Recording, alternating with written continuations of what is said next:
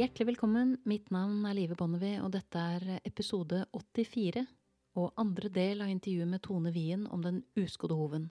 Fra Hestenes Klan, en podkast om hester og hestefolk. I denne episoden skal vi snakke om utfordringene med å sette likhetstegn mellom kadaverhøver og levende høver. Vi skal snakke om hva vi kan lære ved å studere høvene til viltlevende hester. Vi skal snakke om overgangen mellom skodd og uskodd, hovbeinsgrader, vinkler, utfordringer med sårbeinte hester, og sist, men ikke minst, skal vi snakke om etikk.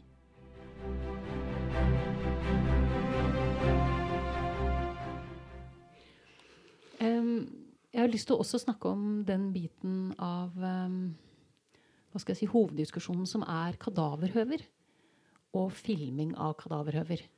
Fordi at det fins uh, rikelig med eksempler på nett av eh, kadaverhøver som blir utsatt for trykk. Og det skal fortelle oss enten det ene eller det andre. Mm -hmm. eh, og en av de tingene som jeg har lagt merke til, som jeg på en måte både forstår hvorfor det er blitt slik, men samtidig stiller et spørsmål ved, er jo at veldig ofte så er jo ganske store deler av hovedveggen fjernet. Så det betyr at hva som da skjer inni den hoven, blir jo ikke fullt så interessant som det ville vært hvis jeg kunne sett gjennom hoven med et slags røntgensyn og sett hvordan ville en levende, sunn hov reagert på det samme trykket. Hva tenker du rundt verdien av å se sånne klipper? bortsett fra at det er selvfølgelig veldig interessant å se hesten fra innsiden? For det, jeg, jeg er jo skikkelig nerdete på det òg. Jeg syns jo det er kjempefascinerende, men bare hvor overførbart er det? Ja, det har jo en veldig, syns jeg, begrenset Altså, det er interessant. Selvfølgelig. Det er jo det. Ja, det, altså, det, det enes vi om.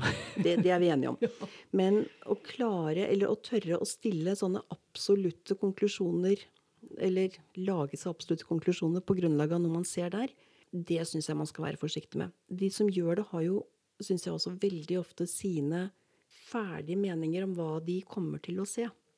Og du, du, ser det du tror du ser, og så forklarer du det ut fra hva du mener det er. Og da har det veldig begrenset um, interesse, syns jeg. For det igjen går veldig på sånn synsing og mening og, og um, lite på egentlig ordentlig forskning. Hvilket er et problem for veldig mye barfotfolk, at det er veldig, veldig uvitenskapelig. Det er veldig mye følelse med i bildet. Det er veldig um, steile fronter og mye følelser. Og så blir det veldig sånn touchy når man begynner å kritisere. Og da blir jo frontene enda steilere. Men eh, nei, bortsett fra at jeg syns det har eh, Altså, det er litt nerdete å, å, sitte og se på sånt nå, men, eh, men vi lærer ikke så veldig, veldig mye av det. Det er gjort mye forsøk på gjennomlysing og røntging under bevegelse osv. Og, og med stadig mer moderne fancy trykksensorer og målere som du kan putte inn i høver på levende hester også. Altså Apropos ting som er morsomt å se på på nett. Ja. Nei, men det, det, det, gjøres en del seriøs forskning også. Ja, det, jo, ja. ja men jeg mener det helt seriøst. Altså, det er jo fantastisk at det går an. Å se en hov i bevegelse og se dette i på en måte samtid. Mm. Det, det, forteller jo noe om hva slags fantastisk innretning dette her er. Ja, den er, den er helt fantastisk. Den er jo det. Den, en knøttliten sak som skal tåle enormt. Og slites og reproduseres hele tiden. Og samtidig syns jeg fascinerende når jeg så noe av forskningen til Chris Pollitt eh, fra Australia og andre habitater hvor de har observert disse halvville hestene. Mm. Eh, oppsiktsvekkende mye patologi òg. Ja, det mest interessante der, det er jo egentlig doktorgradsarbeidet til Brian Hampson, syns jeg. Han hadde jo Chris Pollitt som veileder, og han brukte jo fem år pluss, pluss, pluss uh, i bushen i forskjellige områder. Disse halvville hestene, altså de kaller dem feral horses, det er ikke villhest. Har vi noe norsk ord for det? Det er derfor jeg bruker ordet halvvill. Ja. fordi vi, de er jo ikke ville. De har stukket av og blitt ville. Men de har jo stukket av og vært ville i 30 generasjoner, og de eldste av dem. ikke sant? Så mange av dem har jo aldri sett mennesker. Men det som er fascinerende med dem, jeg har jo vært der nede masse ganger og, og vært med på å fange inn villhester, såkalte villhester, de er lette å temme. Vi har jo genetisk laget oss hesteraser, og så har vi tatt dem med ned til Australia, og så har vi sluppet dem løs. Men når du hanker inn avkommene igjen, så er de utrolig lette å temme. Du får ikke temt et esel eller en Jeg kan ikke uttale det, men disse presevalske hestene. Jeg vet ikke hvordan det skal uttales. Men de har jeg også vært med Brian og sett på. Og de er villhester. De er genetisk annerledes. Eh, de har et annet antall kromosomer. Og de lar seg ikke temme på samme måten. Altså, de gjør ikke det. Så jeg vet ikke om du kan kalle dem halvville. Ville.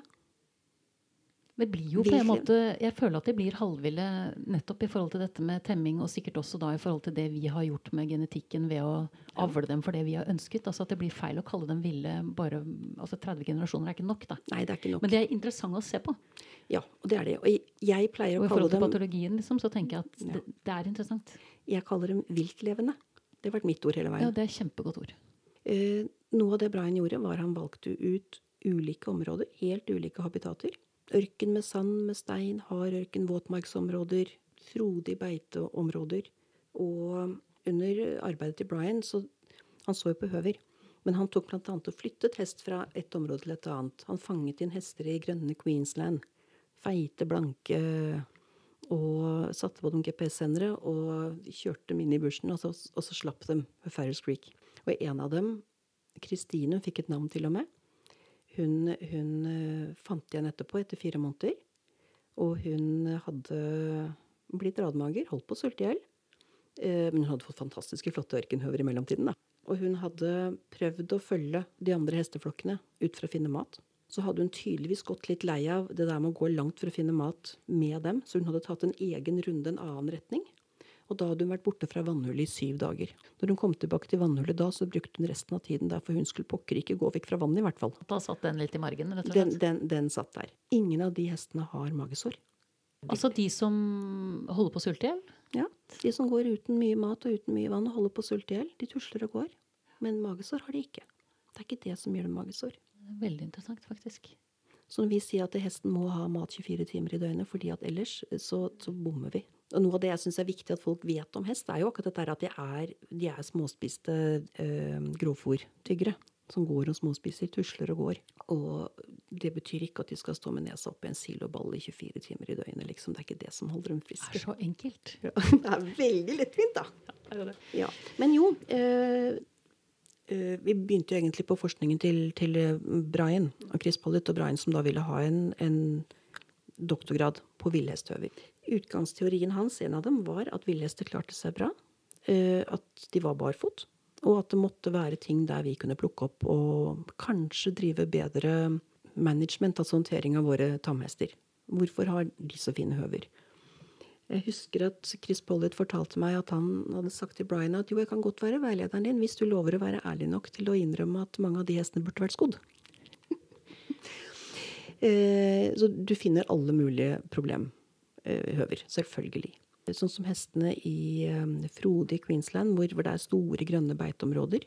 Så, så uh, er det i hvert fall i perioder hvor han tok ut Altså Greia er jo at, at, australske myndigheter de går ut og skyter ned en del hester. Og da får du jo tilgang til, til ferskt forskningsmateriale, for å si det sånn. Så han ser jo på disse høvene med en gang. Og han målte og så på høvene på veldig mange forskjellige måter, og bl.a. om de f.eks. var forfangene. Noen er åpenbart forfangene, men han, han lagde eh, sånne mikroskopiske preparater av lamellene på disse hestene og sendte de til både Chris Pollitt og en annen veterinær i Australia. Og først når begge de to andre, hver for seg uten å vite hvem som sa hva osv., erklærte at den og den hesten hadde en eller annen grad av forfangenhet, så fikk den diagnosen. Og i ett område så var 93% av hestene forfangene. Det er også Vi har også Og vi har eh, Det er en dame som, eh, som har eh, samlet på fossiler av hest, hestehøver. Forsteina hestehøver. De er kjempekule. Jeg har sett dem og holdt dem. Og de er så godt bevart at du kan stille masse diagnoser på dem. De eldste av de beina hennes er 3,5 millioner år gamle og du finner tegn etter at de har vært forfangene. Så det er i seg selv ikke en, en ny lidelse. Eh, Chris Pollitt mener at forfangenhet er en, en, på de hestene en form for sånn endestadielidelse. Når alt annet går galt, så går det gærent i høvene også. Men, men ja. Eh, ørkenhøvene, pent avrundet, ser liksom nydelig ut. Eh, hestene går Altså i dette sentrale området der jeg har vært en del ganger, der er det masse skarp småstein som ligger i ørkenen. Det er ikke sand sand. Men hestene de går på stier de har laget gjennom generasjoner, hvor det er sand. Du kan fange dem, du kan leie til dem ganske fort. De har den der genetiske biten med seg. Så du kan liksom få på en grime dagen etterpå og leie dem ut av ørkenen. De følger deg, men ikke hvis du går av stien, for de er ikke dumme. De går ikke der hvor det er vondt. Men igjen, altså, det er vel litt sånn det er å være villhest, eller å være menneske også. Vi, vi, velger å gå der hvor det er behagelig. Det behøver jo ikke å bety at vi alltid skal ha på oss fjellstøvler for å gå utenfor for å ikke kjenne bakken. At det er ikke alt som er, det er ikke alt som er feil, selv om de kjenner det, tenker jeg. De kan ikke ordne opp i hele naturen slik at ingen noensinne kjenner f.eks. at det er vondt å tråkke på skarpe stein. Det må være lov. Det er jo en sånn flytende grense hvor eh, man går der fordi det er mer behagelig, og man går der for å unngå et sterkt ubehag. Jeg merket jo det når jeg hadde en hest uten sko selv, at det, det kunne være vanskelig å vite eh, hvor ømfotet han var. Mm. Også fordi han ofte var det som eh, leste det som han refererte til som four-legged lame. Altså at man har litt vondt i hver hov, sånn at det slår ikke nødvendigvis ut som en halthet. Men at han blir bare varsom. At jeg syns noen ganger det kunne være vanskelig å plassere ham på en skala i forhold til er dette OK ømhet, eller er det over grensen? Ja. Hva er dine refleksjoner rundt det? Noen ganger er det kjempevanskelig å vite om det er enten-eller. Og, og, så tenker jeg litt da at hvis de er så følsomme at de velger å gå på noe mykt nå, og kan gå på noe mykt nå, så må jo det være ålreit. Vi slipper jo veldig ofte hester uten sko på beite, og der kan de velge hva de vil gå på. Og det er greit. Men hvis du skal bruke hesten samtidig og merker at den syns ikke dette er helt ålreit, da syns jeg du skal sko hesten og prøve. Og hvis du da merker at hesten syns at nå var det mye lettere å leve, for nå har jeg ikke vondt lenger, da er det en, en situasjon hvor du skal sko hesten. Så det er lov å prøve. Og igjen, det er ikke sånn at du enten har en barfottest som du ødelegger hvis du prøver å sette på sko. For det husker jeg at vi bala mye med da jeg hadde barfottest. at hvis du setter på skoen, så har på en måte alt vært forgjeves på et vis. Da Da er du tilbake med sømhull og ikke sant? Da er du tilbake med å på en måte påvirke hovet negativt som følge av skoing. Og at det var vanskelig å gå tilbake på det og liksom ta et hvileskjær med sko for å se hvordan det gikk. Jeg håper at ikke det var jeg som sa det for åtte år Nei, siden. det var ikke det. da skulle jeg vært ærlig og sagt det. Ja, nei. nei. nei men, men, du gjør ikke det. Altså når du, når du skor Du får sømhullene de vokser ut igjen på en måned eller to. Egentlig så er det litt sånn that's it. Eh, du kan feilverke hoven og sette på en sko på en ubalansert hov. Da lager du mer skade enn en nytte, og det gjør vi veldig ofte. Det er et annet problem igjen. Men hvis du har en, en velfungerende hov, det er bare at den er nedslitt og hesten er sårbeint, så tåler den kjempefint å ha på seg sko. Det er litt sånn nå må denne faktisk få på seg sko en periode, så vi sparer litt. Det kan være én periode, det kan være tre perioder. Noen kan sko fordi de skal bruke hesten i en eller annen jobb. Du kan sko fordi at det er glatt ute, og du vil ha på noe med brodder og slippe å være livredd for. For dette her med å putte på boots og brodder og sånt, og det fungerer veldig dårlig for veldig mange mennesker. Jeg fikk det aldri til å fungere, men igjen, da. Det er fryktelig lenge siden, og det skjer jo mye ting på budsfronten hele tiden. Jeg følger jo litt med. Det er jo, det er jo revolusjonerende hvor mye som har skjedd siden sist. Det er blitt veldig, veldig mye bedre. Mm. Det har de. Men det er klart at de, de, sitter ikke på på samme måten som eh, en sko som er slått på med brodder. Og hvis du ikke har hesten hjemme, og noen andre skal ha inn- og utslipp osv. av en hest, så kan du ikke be folk om å drive og dra boots av og på. Altså det, det fungerer ikke så godt. Så da, da, setter du på sko. Så tar du dem av igjen. For ofte så virker det som om man på en måte tar dette som et prinsippvalg for livet. Nå har jeg bestemt meg for at jeg skal ha barfottest. Mm. Eh, ok, han er litt sårbeint nå, eller nå hadde han en hovedbil, han var litt halt i forrige uke, men nå er han fin igjen. Og så holder man på sånn i, i årevis og tenker at det å slå på sko er dyreplageri. Eller man går, har hesten sånn som jeg har hatt nå. Da. Jeg har vært litt lat. da. Hatt sko på han hele tiden. Jeg vil jo egentlig gjerne at han skal gå uten sko i perioder om sommeren, for jeg tenker det er bra for ham. Jeg har jo også en potensielt EMS-hest, altså en som ikke tåler godt å bli feit. De skal ha mindre mat og mer mosjon. Ja, så han kan ikke rett og slett få alt det jeg kunne tenkt meg å gitt ham, nemlig en skikkelig god, lang sommerferie hvor han bare skal gå og spise. Det har jeg gjort noen ganger, og det fungerer ikke, altså. Det er Nei, skadelig for ham, rett og slett. Det er veldig mange det ikke fungerer på. og Eh, det var en, en, amerikaner som en gang sa til meg at han syntes vi hadde hest på sånn himla rar måte i Norge. Fordi at vi hadde liksom ni måneder med kaldt drittvær.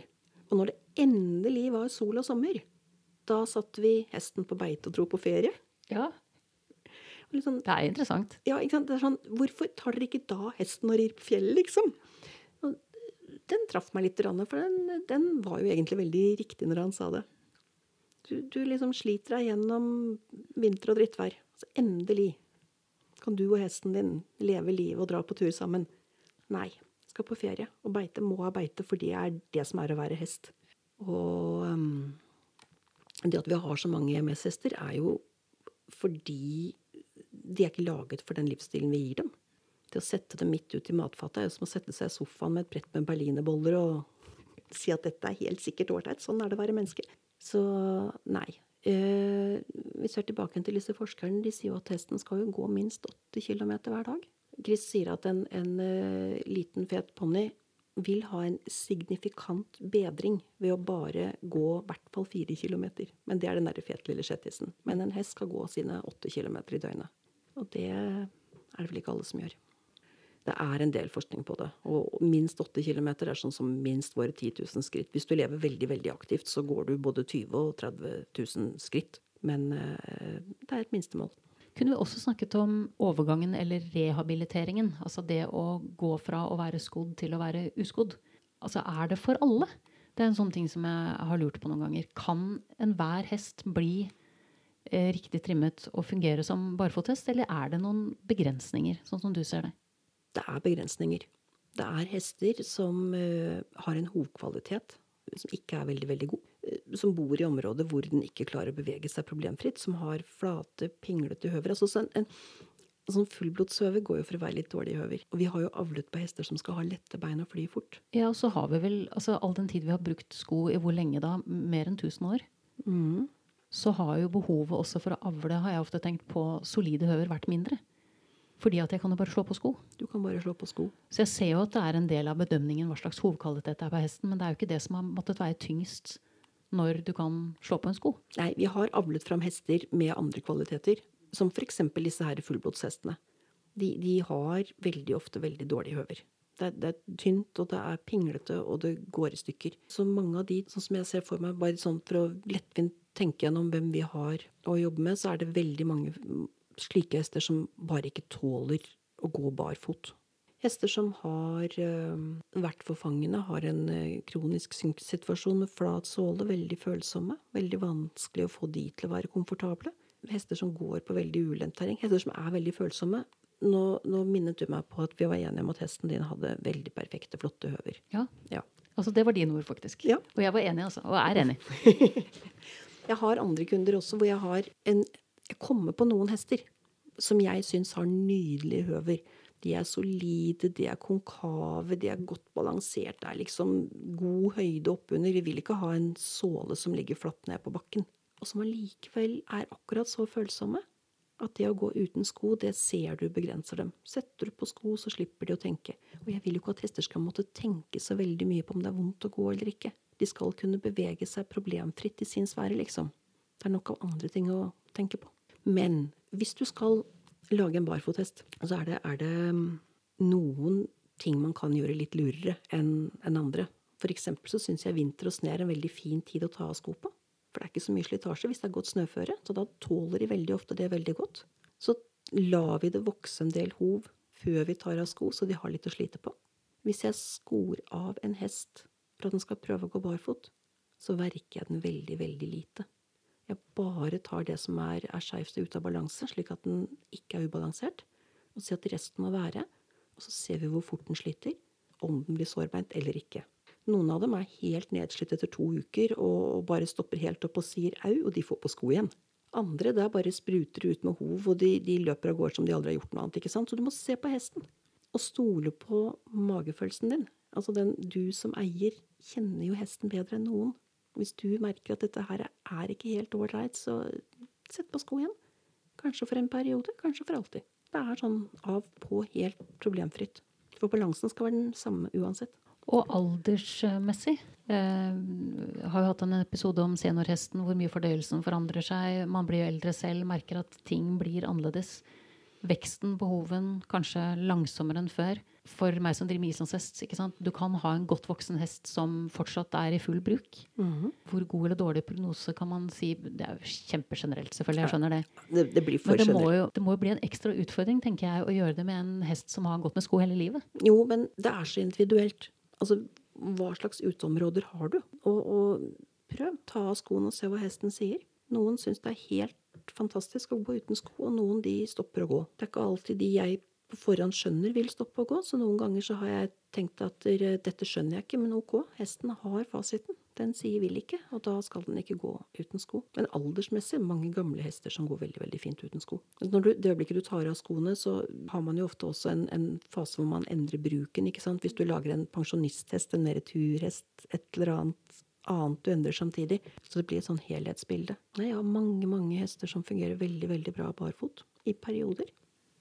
Ikke alltid. For det er noe med også å ta det ikke fra dag til dag, men litt sånn fra uke til uke. Altså at det er perioder hvor, som du sier, hvor det kan fungere kjempebra, og hvis det ikke fungerer så bra. Det er, der, det er jo der min utfordring starter som tilskuer på en måte de kursene jeg er på hvor folk kommer med hester uten sko, hvor du ser at den hesten er ikke komfortabel med beina sine. Mm. At man tenker er det ikke da bra å gjøre noe med det? Eh, og når er det man kan si at målet helliger middelet? For jeg sliter veldig med at jeg tenker at hesten skal ikke ha det vondt bare basert på både lovverk og en etikk. Men jeg, jeg skjønner på en måte tankesettet med at ok, men han kan ha det litt ubehagelig nå fordi man oppnår et større gode. Men hva tenker du rundt det? Veldig lite. Veldig lite ubehagelig nå. Da må det være veldig mye å hente i andre enden, altså. Eh, egentlig så ser jeg ikke den. Men vi kan gjøre så veldig mye med måten vi skor på. Vi kan gjøre veldig mye med måten vi balanserer opp en hov på. For å gjøre hesten mer komfortabel. Det er mer å hente der, egentlig.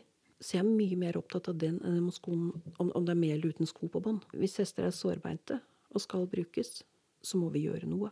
Du har sko, men du, du, du snakket om sømhull i sted, og det å ødelegge veggen. Du kan jo lime på sko. Det er stadig flere typer limsko og, og lette produkter å bruke. Du kan smøre på Det er flere forskjellige midler du kan uh, smøre undersiden av hoven med, som gjør den sterkere og, og mer slitesterk og hardere. Som gjør at de faktisk fungerer ganske bra, noen av dem.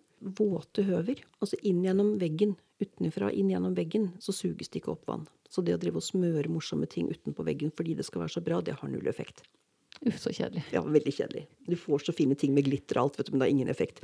Hvis du smører det i kronranda og, og gnir inn litt der, eller det er litt sånn lett småirriterende, så kan det øke sirkulasjonen og faktisk øke veksten. Slik at å smøre noe i kronranda, eller bare massere kronranda, det kan ha noe for seg. Å smøre noe midt utenpå veggen for at det skal se blankt og fint ut, det er, det er for at det skal se blankt og fint ut. Så den fuktigheten vil ikke under noen omstendighet trekke inn og gjøre hoven noe godt? Mm, nei. Eh, det har de forsket på. Den, den trekker ikke inn.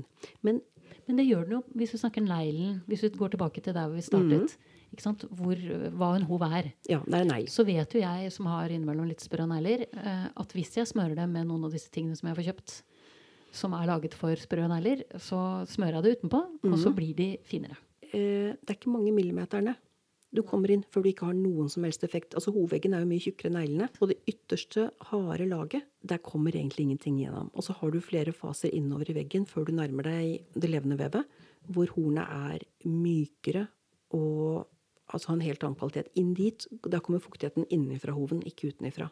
Den kommer ikke langt inn utenifra. Så det er ren overflatebehandling. Så, sånn sett kan si at det, okay, det, gjør kanskje noe med overflaten på en hov også, men det er ren overflatebehandling. Men hvis du ser på undersiden av hoven, der hvor veggen ender og, og, og dette myke sålet og strålehornet, der suges det opp en del vann. Slik at høver som har stått ute i vann, de er lettere hvis du skal bare stelle dem som en, som en horslager, så merker du at de er mye lettere å verke. De slites også fortere. Og sånne ting kan man tenke på. Jeg vet om en som trener travhest. Hun har barfot. Hun, hun tar alltid hesten ut fra stallen med tørre høver og trener. Og så kan hun slippe hesten ut på beite etterpå. Hvis hun hadde gått ute først og hatt myke øver, så kunne hun ikke ha kjørt noen treningsintervaller, for det hadde slitt i stykker i mye større grad. Så du kan gjøre en del sånne smarte ting. La de tørke ordentlig opp. Man kan eventuelt påføre noe på undersiden som holder fuktigheten ute og herder hornet litt. Det hjelper. Altså Hvis vi går tilbake til disse steile frontene og feilverka høver og sånt nå, så er jo noe av problemet er jo at en del barfotfolk de um, gikk litt vel langt i å pynte og runde og, og skulle lage pene mustanghøver av alt som gikk av hest. Det går ikke så bra. Det er oververka høver. De er sårbeinte. Og, og eh, veldig mange fikk jo råd på nett de viste bilder av høvene sine. Og så kom det sånn Ja, men du må ta litt mer der. Og så må du ta litt mer sånn. Og så må du få bort hjørnestøtter. Og så må du pynte på. Og veggen skulle jo ikke nå bakken i det hele tatt, for de skulle gå på såle. Det er greit å gå på såle hvis den er to centimeter tjukk. Det er ikke greit hvis den er en halv centimeter. Hvis du har en sånn hest som kommer rett inn fra fuktig beite i Norge, og tar bort veggen helt, og setter dem ned på det lille som er en under da, så har de vondt. Så hvis du i det hele tatt skal ha en barfottest, så må du skjønne så mye mer av eller i hvert fall være villig til å se og skjønne hva du tar bort, hva du har igjen. Ja, for Chris Pollitt sa at Mustang Roll det får du bare hvis du må grave etter uh, vannkilder. For å sette det litt på spissen. Ja. Altså at det er en ørkenhestsfot. Det er en ørkenhestsfot. Og det er jo ikke det vi har her på berget, f.eks. Nei. Og de som overlever som ørkenhester, eh, de lager seg eh, samtidig da veldig tjukke såler. Altså de blir herda. Sånn som når du går barfot hele sommeren på grus, så får du tjukkere sål under. Du, hvis du ikke gjør det og er ørkenhest, så dør du. Veldig enkelt og greit. Men når vi sier at 'oi, dette så flott ut, dette er sikkert en sunn og frisk hov', sånn skal det høver se ut, og så tar du bort hele veggen og runder opp hele veien rundt, og så kan ikke hesten gå etterpå. Da har du ikke tenkt. Så det, det blir helt feil. Og da der mange barfotfolk var så veldig, veldig ivrige på at det skal se sånn ut. Og så begynner de å si at de sier at du ødelegger hesten med jernsko. Og så, og så, lager de hester så sårbeinte at andre igjen sier at ja, men dette er jo dyremishandling å ha dem barfot. Det er ikke dyremishandling å ha en velfungerende barfothest. Men det er dyremishandling å ta bort alt du skal. Masse barfothester trenger ikke hovedtrim i det hele tatt. Fordi det vokser og slites. Og hvis du har en velfungerende hest, så er det i et passe tempo. Noen vokser mer enn du sliter og må ta bort litt. Noen vokser skeivt og må rettes opp litt. Noen vokser for lite i forhold til slitasje og må ha beskyttelse. Veldig enkelt. Ja, og komplisert. Og komplisert. Uh, når vi snakker om barfothøver uh, særlig, så snakker vi veldig ofte om vinkler. Og jeg opplevde det selv da jeg hadde barfothest, at uh, vinkler var liksom Det var framme med, med, apparatet for å kunne måle, og skulle, alt skulle på en måte se riktig ut. Det som skurret for meg, husker jeg den gangen, var jo at selv om hun som trimmet min hest, ble mer og mer fornøyd med vinkelen, mm -hmm. så gikk jo ikke han noe bedre på høvene sine. Så jeg klarte ikke å sette en sånn slags likhetstegn med eh, 'nå er det fin vinkel, nå går han bra'. Så kan du liksom utbrodere litt i dette landskapet med vinkler? Altså hva Jo, unnskyld. Ja. ja. Akkurat den der med barfot, og tilbake til den tiden, og vinkler, så, så har vi en veldig, veldig morsom forskjell i at veldig mye av barfottrimmingen den kommer fra et teorisett hvor de hadde rett og slett teoretisert seg fram til en type vinkler hvor du skulle ha 30 graders kronran og bakkeparallelt hovedbein. Det er en ren teori. Helt uten vitenskapelig begrunnelse. Og den holder ikke mål. Hestene fungerer ikke på det. Ja, det var jo min erfaring også, ja. at det gjorde det ikke. Så det er en av de største feilene som, som barfotfolket gjorde. Syns jeg. For jeg vet hvor det kom fra. Og det kom også veldig veldig mye fornuftig derfra. Men dette her med lange og flate høver, eh, som det prinsippet lager, det, det er bare helt, eh, helt feil. Så når vi fikk forskningen til Brian, som da kom etterpå, så sier han ja, det er jo ikke sånn høvene ser ut. De er mye, mye steilere. De har helt andre vinkler. Hvis du skal være spesifikk der, kronranda vil han ha på 20-22 grader. Eh, hovedveggen rundt 55 grader foran. For da hadde han vært på flere ulike habitat, sett ja. flere ulike hester. Mm. Og så hadde han brukt noen parameter han målte 40 forskjellige ting på hver enkelt hov. Og det var alt fra, fra vinkler, tykkelser, forhold imellom, utside, innside. Altså, når du leter fram 40 ting du kan måle, så tror jeg du har gravd ganske dypt i den hoven.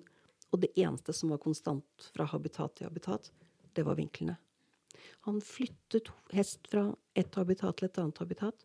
Og utseendet utvendig ellers på høvene endret seg totalt til å passe på det nye habitatet. Så det er ikke opp til oss egentlig å si at jeg vil høven din skal se ut som ørkenhesthøver. Ja, men jeg bor ikke i ørkenen. Altså, hvis du flytter den til en ørken, så vil den få ørkenhesthøver. Men vinklene, vinklene var konstante. Og de vinklene der, de matcher ikke den teorien med, med bakkeparallelle hovedbein og 30 grader. Altså, det, det var en ren Jeg har hørt forklaringen også, men den er ikke god nok. For da snakker vi om når barfotbølgen traff eh, Norge, så var en av retningene at eh, skulle være parallelt med bakken. Ja. Og hvis vi tar akkurat den der hovedbeinet og, og bakken, det er jo sånn som du ser på røntgenbilder, så sier Brian Hamson at hovedbeinet skal ha en vinkel mot bakken på 5,7 grader. I forskningsarbeidet hans så står det 5,7 pluss minus 1,6. Men han sier selv at to tredjedeler av hestene har nøyaktig 5,7 grader hovedbeinsvinkel mot bakken. Det er veldig spesifikt. Og det var liksom uavhengig av rase, uavhengig av habitat, uavhengig av det meste. Eh, og så er det alltid noen som ikke er etter læreboka, ikke sant. Men, men at to tredjedeler hadde 5,7, det syns jeg er litt sånn morsomt tall, så det har jeg brukt veldig mye. Og jeg har, jeg har rønket veldig, veldig mange tusen bein opp igjennom. Og ja, jeg finner veldig, veldig mange på 5,7 grader av friske bein. du kan også måle, måle tåveggen utvendig. Eh, og Brian sier at ja, den skal være sånn i hvert fall en 55 grader. Hvis du leser hovslagerbøker som er skrevet uh, opp gjennom det siste århundret, så finner du en haug med forskjellige anbefalinger på vinkler både her og der. Men det er lite forskning bak. Det er sånn Sånn har vi alltid gjort det. Dette pleier vi å gjøre. Sånn tror vi det er. Jeg har én bok jeg har forelsket meg fullstendig i, og som jeg støtt og stadig sitter og leser i for moro skyld, og det er en hovslagerlærebok. Den heter Artistic Horseshoeing, og den ble gitt ut første gang i 1887. Og han skrev i 1887, en kjent overslager, masse erfaring, at da Han hadde jo ikke noen røntgenbilder og osv. Han sa at når det gjelder vinkler på hest, så ser det ut som de mest velfungerende hestene har en tåvinkel, altså tåveggvinkel, nærmere 56 grader. Det er akkurat det samme. Det var på 1800-tallet. Og så har vi rota det helt til i mellomtiden. Og så sier forskningen akkurat det samme. Og så har vi ganske mye morsom forskning som bekrefter det.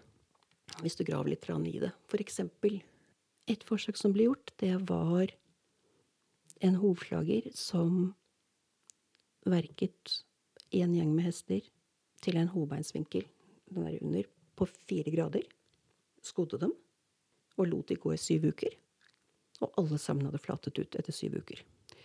Så tok han samme hovslageren, samme hestene, verket dem på nytt i fire grader og slapp de løs barfot. Og etter syv uker så hadde alle steilet seg opp. Alle hadde fått en høyere vinkel når de fikk lov til å slite selv.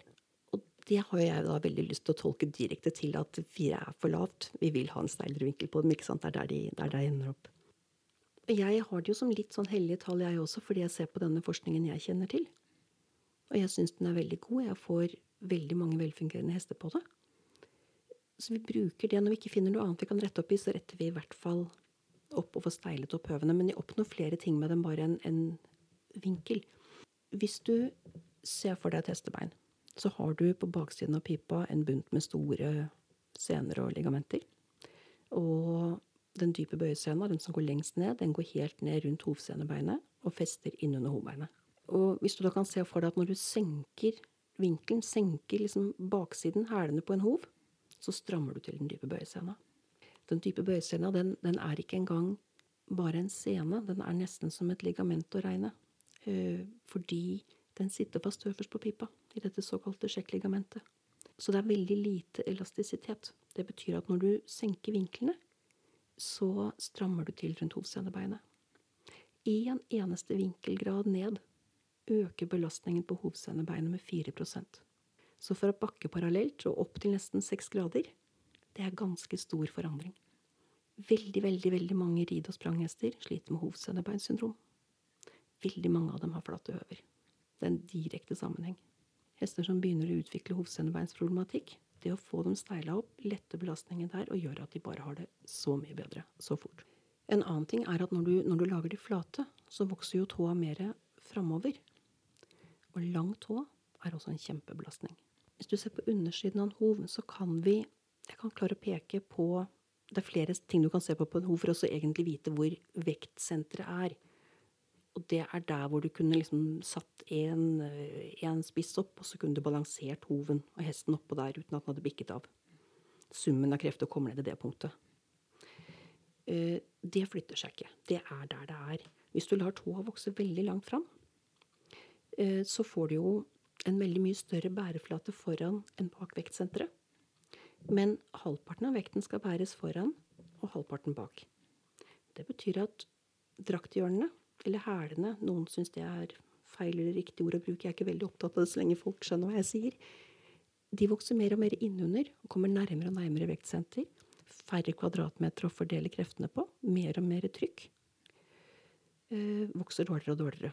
Mens tåa den, den stikker liksom av fra alt press og mottrykk og vokser fortere og fortere.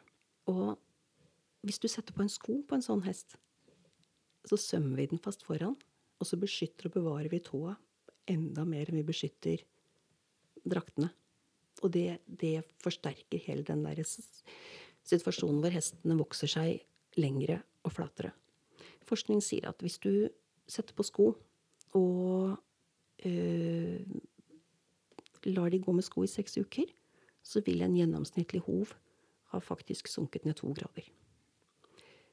Hvis du venter i åtte uker, så har en gjennomsnittlig hov sunket ned 3,5 grad. Det er mye. Det er mye. Det er mye. Um, jeg skoer, jeg skoer min hest hver sjette uke. Ja. Også fordi han har veldig god hovevekst. Mm. Men det er jo veldig vanlig å gi dette åtte uker, sikkert fordi det er, eh, det er jo mye rimeligere, da. Det er mye rimeligere, helt til du har en hest som du hele tiden må behandle. Hvis du flytter det vi kaller overrullingspunktet, tåa, én centimeter lenger fram på hoven, kan du se for deg at du da strekker mer i senene før du har fått den hoven opp fra bakken, når du skal liksom rulle over dette. Én centimeter lenger fram med tåa gir en økt senebelastning tilsvarende 40 kg. Det er mye. Det er mye. For du har ikke lyst til å legge på deg 40 kg og sette deg på hesten din uten at du kjenner på at det ikke er greit, liksom. Men det å la tåa få lov til å stikke av gårde og bli lengre og lengre, det gjør enormt med, med senene. Og i tillegg, når tåa blir lengre og lengre, så blir baksiden av hoven gjerne lavere og lavere. Den får mer og mer skvis. Vokser dårligere og dårligere. Og, og eh, hvor du igjen da har dette her også med selvfølgelig presset rundt hovsenebenet. Vi sier at eh, når hesten får liksom diagnosen hovsenebensbetennelse, så ser vi forandringer på røntgenbildet på hovsenebenet. Men fram til vi får den diagnosen, så er det flere år hvor det bare blir mer og mer vondt. Hvor vi får eh, betennelse i bursdagen på utsiden og tilheftingen til altså alle de strukturene som er rundt der. Det er kjempevondt. Det er vanskelig å stille en diagnose fordi vi ikke ser det på røntgenbildet, men vi har kalt det for hovsenebenssyndrom. For det er noe inni der som er vondt. Vil hesten da være synlig halvt, eller vil den ha jevnt over problemet på alle fire bein, så det er vanskeligere å oppdage? Den har ofte jevnt over problemet på flere bein, ja. Den bare går dårligere og dårligere. Med lave, flate høver. Så noe av det viktigste i min hverdag, det er å få korta tåa og steilt opp høvene. Et annet problem er jo selvfølgelig at når vi skor en hest og kommer tilbake og den ser lang og flat ut, så har liksom hele fasen der imellom vært mer og mer lang og flat. Så det er så mange som er vant til det. Det ser riktig og normalt ut. Men det er en menneskeskapt uh, forandring. Hvis vi går tilbake til den fantastiske boken jeg stadig snakker om, som ble gitt ut i 1887 Det var ikke lettere å sko hest i 1887. Han sier og skriver ingen hest bør ha lengre intervaller enn fire uker. Og han vil ha dem så steile som jeg vil ha dem. Så jeg tenker at vi har, vi har mistet en del sånn praktisk kunnskap på veien. Og så kan folk få lov til å le av at jeg er veldig opptatt av vinkler og sånn. Du er ikke alene om det? Jeg er ikke alene om det. Nei, altså det vil jo si at vinkler er jo står i hodet på noen og enhver. Men det som jeg opplever som kan være utfordrende, er jo hvem uh, er det man skal lytte til? Fordi du har kanskje en barfottrimmer som sier at det er ikke noe vits å snakke med veterinæren om disse mellomstadiene, for de forstår ikke hva en hov er. Og så har du hun som har hest på boksen ved siden av, som mener sine ting basert på erfaring med sine hest. Mm -hmm.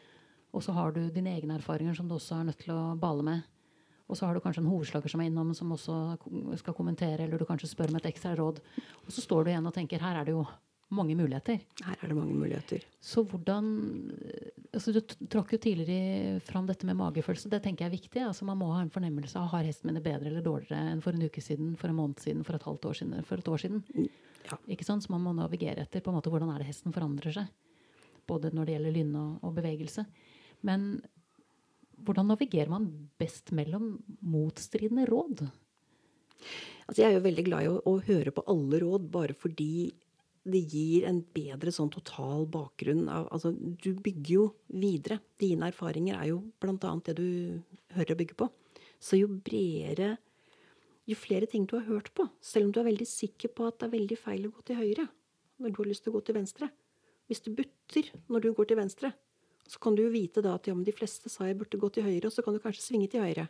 Så, så ta til seg alt, og så legg det litt sånn, litt sånn godt baki der, og så kjenner han på magefølelsen. Det er alltid magefølelsen. Det vil si um, nesten alltid magefølelsen. Forutsatt at man har en. Forutsatt at man har en, at man ikke har blitt bare prinsipiell. Mm. Jeg syns at prinsipper er, er, veldig dumme. Ja, det blir litt skummelt, tenker jeg. Ja. Hvis prinsippet blir det som, som styrer uh, hvilken vei man går videre når, når, hesten prøver å fortelle noe annet. Altså, folk blir jo så veldig i forsvar for det de prøver å argumentere for. Jeg syns det er også veldig Det er en varsellampe når, når um, enkelte barfottrimmere sier at ikke kontakt veterinæren din. Fordi dette vil vi ikke ha søkelys på, for dette ser ikke helt pent ut akkurat nå. Og de skjønner ikke hvorfor det skal være sånn. Da kjenner jeg at det er en stor varsellampe. Det er en sånn no go for meg. Ja, jeg syns den er veldig betenkelig også. Fordi ja. eh, hesten har krav på god velferd ikke om seks måneder, men nå. Nå. Så det betyr at hvis det, hvis det ikke tåler dagslys, det som gjøres, så, så må man være obs, rett og slett. Ja. Men, men, det er klart, hvis du syns hesten fungerer fint, og noen andre sier at den fungerer ikke fint fordi den er barfot, så skaff deg en second opinion.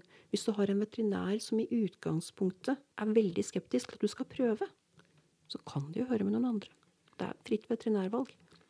Veterinære er ikke hovedspesialister, men de har en god grunnutdannelse.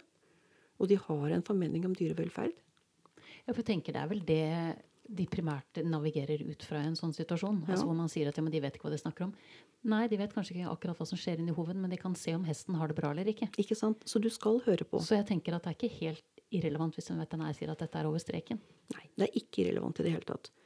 Eh, men selvfølgelig så har du en veterinær som, som kanskje har en dårlig erfaring med barfothester, og som derfor sier at det er feil uansett. Jeg at det, det er heller ikke bra. Det er heller ikke bra. Mm. Altså, Folk som er prinsippryttere, der, der, skal vi være litt forsiktige. Veldig, det er jo en menneskelig kvalitet, tror jeg, også at vi er gode på å generalisere. Så hvis du har sett tre barfothester som ikke fungerer, eller fire hester som er skodd veldig stygt, mm. så er det fort gjort å tenke, uh, litt forenklet sagt, da, at da er barefottrimming sånn, og skoing er sånn. Ja. Og så er jo bildet mye mye mer nyansert. Jeg liker jo veldig godt det du sier med altså at det kan fluktuere. At en hest kan fungere fint uh, uten sko, og da kan den gå uten sko. Hvis den ikke fungerer, så kan man sette på sko. Så kan man faktisk ta dem av igjen. Det, liksom, det blir som et ekteskap. Du kan både gifte deg og skille deg. Du sier i gode onde dager, men jeg tenker jeg er litt opptatt av at ikke det skal være så mange onde dager. da.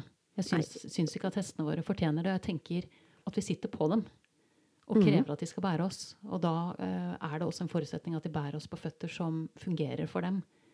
Så jeg blir litt sånn, noen ganger litt svett når man på en måte tar skritt tilbake, sånn som i forhold til dette med hov, hovedbenet skal være parallelt med bakken. Dette har vi på en måte vært innom noen runder før historisk sett. Mm. Og med rette konkludert med at det er nok ikke veien å gå. Og da er det litt sånn sørgelig å se at vi skal ta, eller hestene våre, da, skal ta de varvene igjen. Ja. Altså at vi ikke har lært For det er en blanding av å ikke slå seg til ro med historien. For da hadde jo ikke verden kommet fremover. Sånn har vi alltid gjort, og så det, flytter vi ikke på noe. Da er det jo ingenting som skjer. Så, så, det må jo være en slags innovasjon eller vilje til å tenke nytt. Så det er jeg på en måte helt med på. Men samtidig så må det være en litt sånn edruelighet og ydmykhet i forhold til at det er også veldig mange som har tenkt før oss.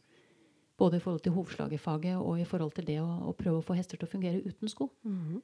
Så jeg famler litt i det landskapet med mellom tradisjon og innovasjon.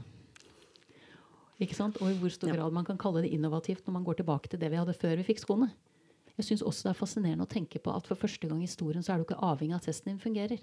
For det er det som på en måte jeg syns er litt skummelt med der vi er nå med hester som går uten sko som ikke fungerer. Det er at vi har både råd og tid til å ha det sånn lenge. Hvis du var i infanteriet og det var midt under første verdenskrig, så hadde du ikke den tiden. Mens nå kan man på en måte tillate seg at jo, men han fungerer ikke så bra nå, men om et år så kommer det til å gå bedre. Og den tidsperspektivet er det jeg, eh, som gjør at jeg ikke klarer helt å la barfotprosjektet ligge. Jeg syns det er supert at hester går uten sko hvis det virker. Men når sier vi at nok er nok? Det tror jeg kanskje er det viktigste for meg. Når, når setter man den streken og sier det her fungerte ikke for denne hesten? Nå kan kanskje fungere med et år, men nå fungerer det ikke. Og så tar man konsekvensen. Ja, og det, det skal du gjøre veldig fort. Du skal ikke, du skal ikke vente uker og måneder engang. Du, skal, du skal gjøre det litt sånn nå. Fordi um, hvis den er sårbeint, hvis den ikke fungerer, så blir den som regel ikke mindre sårbeint. Så hvis du har en, en barfothest som ikke fungerer barfot, eller som du lurer på om ikke fungerer barfot, så sett på sko, da. Og så ser du hva som skjer. Hvis hesten blir enda dårligere etter at du har satt på sko, ja, så er problemet noe helt annet. ikke sant? Men, men du kan ikke vente og se. Hvis du tror at, at det kan hjelpe, så, så gjør vi det eh, Vi begynte jo å sko hester av en grunn. Vi skulle bruke dem, de skulle fungere. Det er derfor jeg er så forelsket i denne boken fra 1800-tallet. fordi eh, da måtte hestene fungere, tenker jeg. Ja, for det er en stor forskjell. Ja. Ikke sant? Nå har vi dem på en måte for å få tiden til å gå. Mens eh, i tidligere tider så var vi avhengig av Mm. at de fungerte. Og så har vi mistet veldig mye kunnskap. Vi mistet jo mye hest og mye hestefolk. Og vi hadde den der fasen hvor man ikke lenger trengte dem, og en del forsvant under krigen osv. Og, så og så har det bygget seg opp et annet hestehold hvor, hvor du ikke lenger har hesten hjemme, den står på en stall, du har ikke det daglige ansvaret. Og det var en som, som eh, en gang sa at vi har få hestefolk med mange hesteeiere. Denne kompetansen som vi skulle hatt der, den, den må vi lete fram igjen. Men nei, det, det er eh, Vi skor når det er en grunn til det. Og sko behøver ikke å bety å sømme på jernsko hvis man har veldig veldig motforestillinger mot det. Det er en lettvint måte å sko på, men samtidig, det finnes masse alternativer når det gjelder beskyttelse, altså boots, limsko. Hvis, hvis det får deg til å, å føle at det hele er mer OK. Det som skjer når man Det har jeg kjent på kroppen selv. Og når du har hatt sånn som jeg hadde en barfosthest i to år, og så har jeg da kjøpt en ny hest, og, og nå har jo han vært skodd noen år, men fortsatt så syns jeg det er ubehagelig. Mm. Fordi at jeg har blitt vant til å se en hel hovegg. Jeg har blitt vant til å forholde meg til hoven på en annen måte. Sånn at det er liksom en sånn runde med kognitiv dissonans da, når man skor hesten. Så, det er liksom, så sånn sett så forstår jeg veldig godt også at folk ikke tar overgangen tilbake. Ja. Ikke sant? Fordi at det, det, det koster litt, da. Og hester kan bli 35 med og uten sko. Det er, det er eh, Jeg tenker at det er viktig at de får lov til å fungere best mulig der og da i den hverdagen de har. Og så kan alt endre seg. Fordi at de kan bli 35 både med og uten sko, men ikke med dårlig trimming eller dårlig skoing. Nei. Og det er liksom det som jeg tenker er essensen, at man må velge en god retning innenfor den veien som man velger for sin hest. Og den må, som du sier, ikke fungere om en uke eller to uker eller en måned eller et år, men den må fungere nå. Ja. Det siste jeg hadde lyst til å bare spørre deg om, som jeg syns er et interessant perspektiv uh, å ta med seg, som jeg har tenkt mye på selv, det er hvis hesten ikke føler at den kan stole på sine egne bein, det være seg at den er dårlig skodd eller dårlig trimmet for, mm. for barfot, hva det får å si for hesten mentalt. Altså at er en, den er et flukter, og så er den ikke komfortabel med sine egne føtter. Ja, nå er det jo litt på siden av det jeg eh, sier jeg kan veldig mye om, da.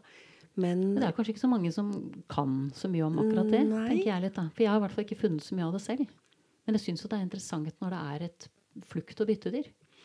Ja, du, du ser jo at eh, hester med dårlige bein ute på, på større områder med andre hester her i Norge også, det er jo gjerne de som stiller seg litt på avstand, sørger for å være litt trygge. Mange ting som gjør at du kan få en idé om at den hesten egentlig ikke er veldig veldig komfortabel i den flokken. Om det er beina eller noe annet. Jeg kan være veldig med på at det kan være veldig logisk at når du vet du ikke kommer unna, så unngår du de farlige situasjonene. Eh, Men samtidig så tenker jeg nå at hvis du går tilbake til disse viltlevende hestene, de har jo også veldig masse problemer med beina. Jeg husker at eh, Chris Pollitt sa, det så jeg ikke selv, men disse ørkenhestene rundt, rundt vannhullene, disse unghingstene, som liksom leter etter, eh, etter damer, er kommet i den etableringsfasen, de kan jo slite beina sine til blods. Virkelig slite dem ned til blødende høver. Der de jogger fram og tilbake rundt vannhullene og prøver å liksom plukke opp en eller annen. Vet ikke hvordan de tenker på det, men disse her 93 med forfangenhet Altså, de Det er jo Du ser jo masse høver der nede som, eh, som ville fått Mattilsynet til å ringe med alle de store bjellene sine, ikke sant? Fordi at det ser jo bare ikke ut i det hele tatt. Hester som står i matfatet ved siden av vannhull, med, med altså sånne ekstremhøver som har vært forfangende og siden har vokst rett fram og blitt en halv meter lange. Men de får i seg mat, de får i seg vann. Er det vi som har ødelagt de òg? Altså, det er jo et eller annet som skurrer med om naturen har uh, rigga seg så dårlig at de får så mye sykdom på noe som de er så avhengig av. Altså, I og med at dette her er hester som har vært tamme og så er blitt ville, altså har vi var de, for å si som var de sånn da Gud skapte dem, hvis du skjønner hva jeg mener? Altså, ja, men da har vi tilbake til sånn som disse her, eh, disse her forsteina hovedbeina som er inntil 3,5 millioner år gamle. Med tegn på at hestene også da var forfangende. ja, det sa du. Stemmer. Jeg, jeg tror vel kanskje at i Australia for eksempel, så er problemet stort fordi de har ingen naturlige fiender. De har bare blitt sluppet løs på en stor lekeplass, for de kan formere seg vilt og uhemmet. Og så er det for mange, og så dør de av forferdelige ting. Så det er kanskje det vi egentlig har gjort med dem, da. Det er ikke nok uh, dingoer. Ikke nok, nok rovdyr. Det er ikke nok rovdyr. Mm. For de ville jo blitt tatt ut av rovdyr, tenker jeg. Ja, dette er Det er flere spørsmål enn svar, Tone. Det er mer spørsmål. Er ikke det fint? Det er det som er så fint. Ja.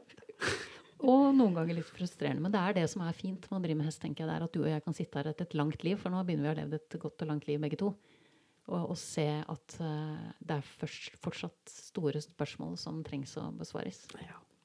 Jeg har et siste spørsmål til deg, Tone. Et uh, signaturspørsmål for podkasten. Um, om det er en spesiell ting som du vil trekke fram, som du har erfart eller lært gjennom ditt lange liv med hest, som du kunne ønske at folk enten visste eller var mer oppmerksomme på? Hmm. Og det var det å begrense seg til liksom én. Jeg, jeg tåler mer enn én. Du tåler mer enn én. Ja, ja, ja. For jeg, jeg, føler at det er litt gjerrig å insistere på én hvis du liksom sitter med noen gode. Så jeg tåler mer enn én. Ja, jeg, du sa jo på forhånd at du kom til å stille et sånt spørsmål. Og så syns jeg plutselig det ble vanskelig, fordi ja, men de må, jo, de må, jo, vite. Og samtidig så er det så veldig veldig mange flinke hestefolk som har tenkt på det meste også. Så jeg syns det ble vanskelig. Uh, men helt, helt uavhengig av det vi nesten har snakket om nå, så tenker jeg at jeg skulle ønske at folk visste at en hest var et grovfòrspisende beitedyr som tusler og spiser grovfòr når vi har løpsstaller hvor inntil 100% av hestene har magesår, og vi ikke finner magesår på disse hardt prøvede viltlevende hestene i Australia, så tenker jeg at vi gjør noe feil. Så vi kan ikke putte på dem tilskudd av all verdens eh, rare varianter. Det er sånn Hva mer kan jeg kjøpe og gi hesten min? Godt variert høy. Det er det, de, det er det de skal ha å spise. Og det bruker jeg mye tid på å prate med folk om, fordi det er sånn Ja, men dette og dette. De må jo ha kraftfôr, og de må jo ha sånn, og de må jo ha slik. Hva kan jeg gi? Og så er det sånn, ja, men Finn ut hva den egentlig får av grovfôret sitt. Og hold tennene i orden og høvene i orden. Så, så, har du veldig godt utgangspunkt for en, en sånn langtlevende, frisk hest. Men noe av det jeg syns er liksom finest med, med, hester, og som er litt viktig for meg i hverdagen, det er den kommunikasjonen vi har med dem. Det å prate med dem. Prate med hest eller hund eller katt. I stedet for å prate til dem. Det å gi en beskjed og bare forvente at den blir hørt på, og så blir frustrert, det, det ser du jo hele tiden rundt deg. Men disse som prater med hestene sine, og som hører på hva de prøver å si tilbake Også de gangene det svaret er ubehagelig? Også de gangene. At hesten faktisk opplever at vi prøver å forstå. Sånn som det utrolig morsomme eksperimentet hvor de, hvor de lærte hester på veldig kort tid å si ifra om de ville eller ikke ville ha dekken. Altså, de, de, har så mye de har lyst til å formidle. Så det å, det å bruke tiden sammen med dem til bare være og prøve å ha en dialog Da unngår vi veldig, veldig mange andre store spørsmål som skal hesten min ha sko eller ikke sko. Altså da Bli kjent med dem og hør på magefølelsen. Tusen hjertelig takk for uh, praten, Tone. Du ser ut som du har mer på hjertet. Vi har jo nettopp begynt! Jeg tror antageligvis at du vil ha det samme fjeset seks timer fra nå. Antageligvis. Men, ja, men um, det er en åpen ending her, eh, som det heter på godt norsk. sånn at hvis du kjenner at det var en ting til du brant inne med, altså et spørsmål som jeg ikke hadde vett til å stille, eller noe som på en måte mangler i puslespillet Det er selvfølgelig en million ting som mangler, vil det alltid være, men som plager deg, så, så har vi tid. Ja. Jeg klarer ikke å komme på enda akkurat nå hva det er. Som sagt så prater jeg liksom veldig, ja, veldig Men jeg ser at det er noe. sånn at det jeg foreslår da, det er at vi eh, tar opp tråden igjen en annen gang. Uh, og sier at det ikke nødvendigvis er sånn at denne samtalen er ferdig. Sånn at hvis du eller jeg om noen uker eller måneder eller år alt ettersom, uh, finner ut at nei, søren, det var faktisk noe mer vi skulle prate om, så gjør vi det da. Ja, det er alltid et godt utgangspunkt å ha en åpen dør. Ja. Det, det er det jo. Men uh, jeg tror jeg må sortere litt hva det var jeg egentlig har sagt, for det bobler jo bare over hele tiden. Ja, Det er det som er så fint. Ja. Tusen hjertelig takk for praten, altså. Det var supert. Det var hyggelig å bli invitert. Takk skal du ha. Ja, Gleden er på min side. Du har nettopp hørt episode 84 og del to av Hestens rett til et godt liv. Neste uke så kommer jeg til å invitere deg til å ta del i vurderingen jeg selv gjorde med min egen hest, da valget sto mellom skodd eller uskodd og jeg vil avslutte dagens episode med å komme med to oppfordringer. Ikke ri prinsipper på bekostning av å ri en hest som går reint. Og hvis du synes diskusjonen om høver er verdt å ta, så ville jeg satt stor pris på om du deler de to siste episodene med folk du tenker det kan være verdifullt å ta diskusjonen videre med. Da gjenstår det bare for meg å takke min faste komponist Fredrik Blom, min gjest Tone Wien, og sist, men ikke minst vil jeg takke deg, kjære lytter, for tålmodigheten. Måtte hesten for alltid være med deg.